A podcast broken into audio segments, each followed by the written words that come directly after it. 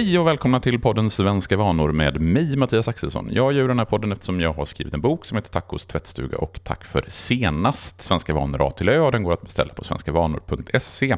Det här avsnittet släpps ju några dagar innan julhelgen och idag så tänkte jag prata lite om den kanske populäraste svenska julfiguren, nämligen tomten.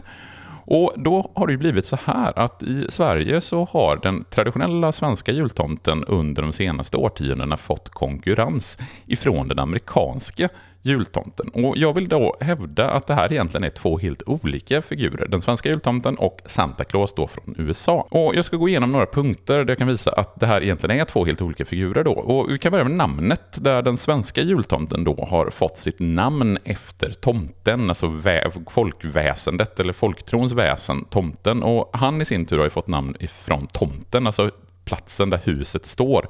Det är ju en gårdstomte från början som sedan har transformerats till att bli en jultomte. Medan den amerikanska Santa Claus, där hänger ju, samma, hänger ju namnet samman med den kristna förebilden till jultomten, nämligen helgonet Sankt Nikolaus. Och då är det framförallt det holländska namnet på helgonet Sinterklaas som har fått ge namn till Santa Claus. För det var när holländarna på 1600-talet koloniserade de västra delarna av USA som helgonet följde med och det har sen i sin tur sen då givit namn till den amerikanska jultomten Santa Claus.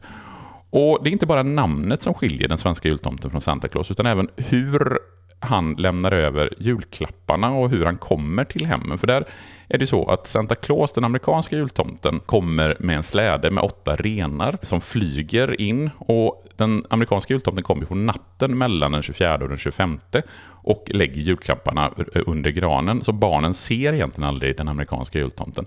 Den svenska jultomten däremot enligt den gängse uppfattningen som etablerades av framförallt Jenny Nyströms teckningar så kommer den julklappsutdelande tomten själv gående i snön eller med en bock och en säck med julklappar och delar ut dem på julafton och möter alltså dem som han delar ut julklapparna till.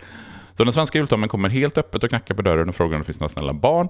Medan Santa Claus kommer i smyg om natten genom en skorsten och lägger julklapparna antingen under granen eller i strumpor. Och Det som också skiljer den amerikanska jultomten ifrån den svenska jultomten, det är hur de ser ut. Där är ju Santa Claus, alltså den amerikanska jultomten, storvuxen. Han har röda kläder, stort vitt skägg och är bullrig och säger ho, ho, ho.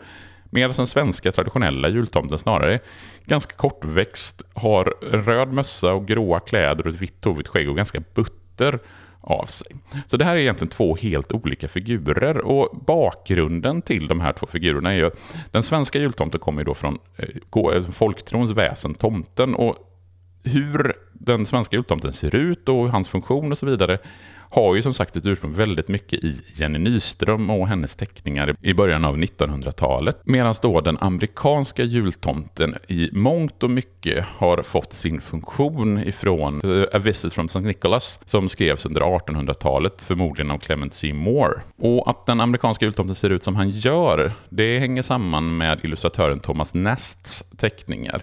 Och det är han som under mitten eller andra halvan av 1800-talet eh, målar teckningar med inspiration från den här dikten A Visit från Sankt Nikolaus från början på 1800-talet. Och näst tecknaren då, hade Bayerst påbrå, alltså från tyska delarna. Och hans bild av Santa Claus var då inspirerad av den tyska folktron. Eh, och hur, de tog, hur eh, Eh, olika figurer togs upp och ner genom kors, skorstenar, vilket Nest använde när han skulle visa hur Santa Claus kom in i huset för att överlämna julklappar. Och alla bilder av Santa Claus går i mer eller mindre stor utsträckning tillbaka till Nests teckningar, kan man säga. Och att man valde rött som färg för tomten, det beror helt enkelt på att det var den bästa kontrastfärgen till svart när man skulle göra bilder under 1800-talet. Och det är då inte Coca-Cola som har gjort tomten röd. Eh, däremot så har Coca-Cola och Disney eh, etablerat den här bilden av Santa Claus så som han ser ut idag i Coca-Colas reklamkampanjer och Disney i eh, filmen i jultomtens verkstad. Så det var lite kort om jultomten som förhoppningsvis då kommer hem till er den 24 december på julafton och lämnar över julklappar till dess. Så får ni ha det så bra så hörs vi igen om en vecka. Ha det fint, hej då!